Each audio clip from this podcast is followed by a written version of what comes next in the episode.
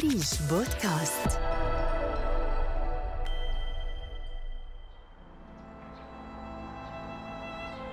لا بدي ورث ولا بدي ولا أي شيء أنا كل اللي طالبه نسبي غير هيك لأنه هذا من حقي.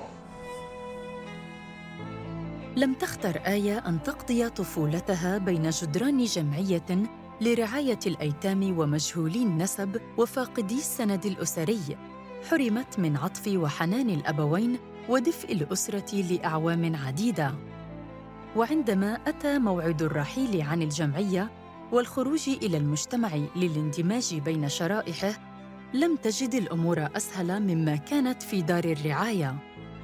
فعليها أن تواجه مشاكل الصورة النمطية السلبية الموسومة بها وأن تستمر بدفع ثمن الذنب الذي لم تقترفه خارج الدار كما دفعته بداخله. لكن آية كانت تحمل حلما وأملا بالعثور على أسرتها فبدأت مسيرة طويلة وشاقة من أجل إثبات نسبها. مسيرة كشفت عن مشاكل قانونية وإدارية واجتماعية تواجه الباحثين عن جذورهم من أجل إثبات نسبهم. فما هي قصتها؟ وما هي المشاكل الاجتماعية والقانونية والإدارية التي تعرضت لها ويتعرض لها غيرها من شباب وشابات يعانون من عقبات تواجههم لإثبات نسبهم. ميت وات من أريج بودكاست. إعداد علا خالد العملة. أنا دخلت من عمري سنتين. ما كنت أعرف إشي ولا كنت أعرف شو مين أنا أو إيش المكان الطبيعي المكان اللي أنا تربيت فيه. لحد العمر ال 14 سنة. بعد ال 14 سنة هون بلشت عندي التساؤلات. مين أنا؟ وليش SOS وليش بينادوني بنت SOS ومن هالكلام. آه بعدين رحت على التنمية الاجتماعية. فأعطوني هم ثلاث ورقات اللي هي اسم الأم والأب والتاريخ. يعني الأشياء الأساسية اللي هي بهوية الأم والأب. فتحت اللابتوب. كتبت اسم أبوي كامل على الجوجل فطلع لي إنه كانت جريدة الغد ناشرة عليه اللي هو حريق يهب في منزل أبوي. فأنا بطلع إنه نفس المعلومات فتواصلت مع الصحفي فالصحفي بيقول لي أنا كيف بدي أعرف إنه انت بنتهم؟ قلت له أنا هلأ برسل لك الأوراق على الواتساب. فهو يعني راح على طول على عمي وقال له إنه في بنت حكت معي هيك هيك هيك هيك.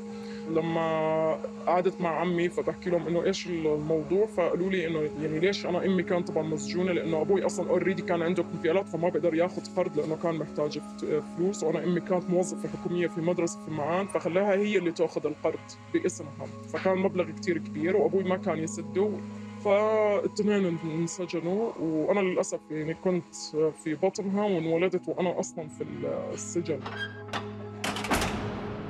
فبعدين آه، سألت أنا كيف وصلت لل SOS فقالوا لي إنه يعني أنا من ضمن الأوراق تبعتي الموجودة إنه أمي هي طلبت إنه يعني تغيير الاسم حفاظا على حياتي أنا ليش؟ لأنه الأم والأب أصلا كانوا اثنين مسجونين وما كان حدا رح يقدر يرعاني لأنه عمي أصلا كان بخلافات قوية مع أبوي أنا هذا اللي عرفته المهم قلت له طب ليش بدك تحرمني النسب؟ قال لي إنه أنا بشتغل مستشار وأنا بكرة بصيروا يعني بصيروا يقولوا لي أنت كيف مخلي بنت أخوك وكيف وكيف وكيف؟ قلت له يعني أنت بدك تمشي مصالحك على مصالحي. أنا بنت في عمر معين. يعني أنا فعلا أنا أكثر مريت من أكثر من موقف إنه لازم أنا أرتبط أو أتزوج. لما يجي يدقوا على اسمي يلاقوا إنه ما في لا أم ولا أب. فبصير علامات سؤال طب أنا شو ذنبي بهذا الشيء فضلت الأمور ما بينه وبين عمي عادي إنه يطمن علي وأطمن عليه كل ما يجي على عمان. عادي يعني إنه يجي زيارات وإنه كيفك وشو أخبارك من هالكلام. فبحكي لي شو رأيك؟ بما إني أنا بنزل كثير على عمان وما حدا بيعرف عنك أنا بدي أكتب لك بيت باسمك هون بدل ما أنت يعني أنا كنت مقيمة في مكان شغلي في الفندق. قال لي بدل ما أنت مقيمة بالأوتيل وأنت لسه اوريدي ما حدا بيعرف عنك فأنا بدي أتزوجك. فأنا قلت له أنت بتحكي عن جد يعني إنه كيف أنت بدك تتزوجني؟ وكيف إنه يعني أنت عمي وأنت نفسك مثبت لي ومعترف إنه أنا بنت أخوك. فبقول لي طيب ماشي هاي بيني وبينك. قلت له ليش وين ربنا من الحسابات يعني؟ عفوا. بعد خروج آية من دار الرعاية توفرت لها معلومات بسيطة عن أبيها عبر جوجل تصلح كطرف خيط ربما يقودها إلى الوصول لأهلها ومن ثم إثبات نسبها. لكن الوصمة لم تتركها ووجهت آية بالرفض. فما هو الحل لإثبات صدق الرابطة؟ كنت عارف عن منظمة ميزان. تمام؟ إنها هي منظمة ميزان هي بتثبت النسب للي بد... يعني لمجهولين النسب واللي عرفوا أهلهم. وفعلا حكيت مع آه، ميزان للحقوق وقالوا لي okay وبلشوا هم فعلا بلشوا يرفعوا الهاي وحكوا مع عمي بس مرة واحدة. قالوا له كذا كذا ولازم تيجي عشان نعطينا المعلومات وهو رفض. قال يا عمي أنا ماليش دخل فيها واللي بدكم إياه اعملوه. هاي مش بنت أخوي بتجيبوا لي إثبات. للأسف هو كان عمي باعت ناس على أساس إنه يعني مع الصحفي على أساس إنه يشوفوا الاوراق وأخذوها على أساس إنه بدهم يساعدوني في النصب وهي الاوراق راحت وما رجعت طبعا هي مش النسخة الأصلية النسخة الأصلية بالتنمية الاجتماعية. وبالنسبة للملف لما رجعت على التنمية الاجتماعية عشان آخذ الملف ما حدا قبل يعطيني إياه. هو ما بعرف هو تحفظا ولا هو طلب من عمي؟ لأنه أنا قلت لك إنه عمي أصلا كان مستشار وعدت الأمور عدت عدت. يعني أنا بصراحة بطنش الموضوع وبرجع يعني انبشه آخر مرة لما نبشته كان عمي أصلا اوريدي يعني بالمستشفى داخل بغيبوبة 10 أيام. رحت على التنمية قلت لهم يا جماعة أنا عمي يعني بيحتضر بده يموت. خليني أقلها آخذ أي شيء منه يعني يعني أقوال إنه موافقة خذوا استجواب أي شيء اللي بدكم إياه. فعلا التنمية الاجتماعية هي اللي سكرتها بوجهي. قالوا لي ممنوع وما بصير ولازم بموافقتك أنت وموافقه العم. آخر كلمة قالوا لي إياها إنه خلص عمك مات وإحنا ما بنقدر ناخذ أي معلومات أو أي شيء وأنا أعطيتها اقتراح هو اقتراح عادي جدا يعني وبسهل عليهم كل شيء قلت لها أنا إلي إخوان. خذوا منهم نزغة دم واعملوا الفحص هذا يعني. بالنهايه كل واحد. وما رضيوا قالوا لي هاي بدها موافقات وبدها وبدها وهم أقول لك شغلة. يعني اللي أنا شفته كل وحدة كانت ترمي على الثانية.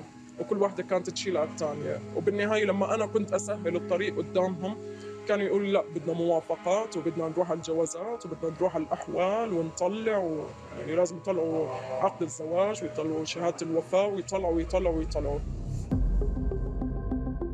حاولت مؤسسة ميزان مساعدة آية في إثبات نسبها، لكنها واجهت رفضاً من العم الذي لم تثبت علاقته الشرعية بآية، حيث طلب أدلة ثبوتية مؤكدة أن آية ابنة أخيه، ليلقي بها في دوامة الحصول على أوراق من ملفها فتصدم بمجتمع الموظفين البيروقراطي الذي عقد أمامها الإجراءات حتى قطع الخيط واجهض الحلم بموت العم قبل إجراء فحص الدي إن اي بسبب تعقيدات روتينية حكومية بوزارة التنمية الاجتماعية. حملنا الملف إلى السيد محمود الجبور مساعد الأمين العام لشؤون التنمية والرعاية بوزارة التنمية الاجتماعية لنعرف منه الإجراءات الخاصة بطلب أوراق من الملف الشخصي للأطفال الذين عاشوا في دور الرعاية. آه، بالنسبة للأس هي مؤسسة تطوعية تقع ضمن إشراف وزارة التنمية الاجتماعية يتم تغذيتها بالأطفال من خلال نقلهم وعندما يتم نقل الطفل يتم نقل نسخة من الملف. وهناك لدينا النسخ الأصلية هي موجودة في دور الرعاية التابعة إلى وزارة التنمية الاجتماعية. وإذا تحدثنا عن الأطفال لا يوجد لهم وثائق. أنا من الصعب أن أقوم بمخاطبة دائرة الأحوال المدنية وتبليغه عن طفل موجود في الحماية والرعاية. لا يحمل وثائق واعتماده كمجهول نسب. هذه تعتبر وصمة وستلازمه عبر التاريخ في حياته. فهنا لابد من الرجوع إلى التشريعات. التشريعات بينت الأدوار المؤسسات دائرة الأحوال المدنية هي من تحدد بأنه يجب إصدار الوثائق أو الطلب رفع قضايا في المحاكم المختصة أو الذهاب إلى المحكمة الشرعية لغايات إثبات النسب لأن هناك بعض الأطفال تكون ولادتهم قبل توثيق الزواج ويبقوا لدى الأسرة ولا يتم التبليغ عنهم. وهناك البعض من الأسر ممن لديه الجرائم ولديه القيود الجرمية ما تحول بينه ومراجعة آه، آه، الدوائر المعنية لغايات إصدار هنا لا يوجد نسب إلا بقرار. لا يوجد النسب بناء على كلام. ومن يملك هذا القرار؟ المحكمة المختصة. هي حالات آه، نادرة وقليلة وهم من فئة ضحايا التفكك الأسري وما شابه. وبالنهاية الطفل هو ضحية. نأمل من المجتمع الأردني أن لا يلصق ويلزم في وصمة هو نتيجتها وليس هو سببها. بحسب إيضاح السيد الجبور هناك إجراءات معقدة للحصول على المستندات. فالأمر يتعلق بنسب شخص لشخص آخر أو لأسرة أخرى. وهناك تشريع على الجميع الالتزام به والجهة المنوطة بذلك هي دائرة الأحوال المدنية.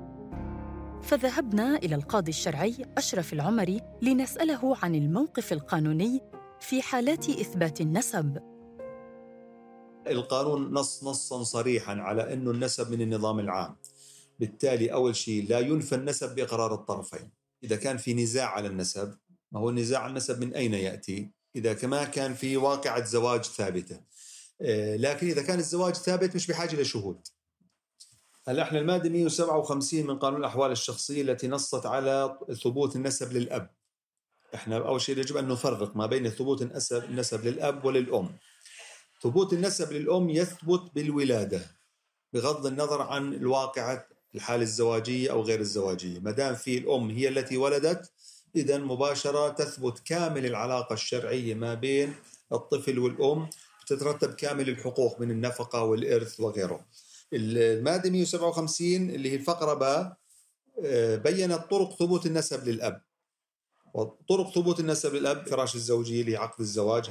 اثنين يثبت النسب بالإقرار. وأيضا يثبت بالبينة ويثبت بالوسائل العلمية القطعية. قانون الحقيقة في 2010 توسع في الوسائل العلمية القطعية. والتعديل الذي جرى في عام 2019 على القانون عندما أقر من مجلس الأمة أيضا توسع في اعتماد الوسائل العلمية القطعية. والآن تعتمد المحكمة هذه الوسائل الدي إن اي وترسل الأشخاص لأخذ العينات والطفل كذلك وتقدم تقرير فني أمام المحكمة بالعينات وتصدر قرار بناء على بناء على ذلك. فاذا هي بالنتيجة هي وسيلة معتمدة أمام المحاكم لكن ضمن شروط معينة القانون وضعها واشترطها. إذا فهناك شروط معينة يتطلبها القانون من أجل إثبات النسب بعد أن توسع في القبول بالأدلة العلمية ورغم تلك السعة التي منحها القانون لتسهيل إثبات النسب فإنهم يعانون من التمييز المجتمعي ضدهم في العديد من جوانب حياتهم الاجتماعية أو المهنية. أما الذين يحاولون الخروج من تلك الدائرة المغلقة والبحث عن أنسابهم فهم تائهون بين بيروقراطية مجتمع الموظفين وبين اشتراطات القانون الأخرى حتى يحصلوا على حقهم في إثبات نسبهم. كان هذا ميت وات من أريج بودكاست.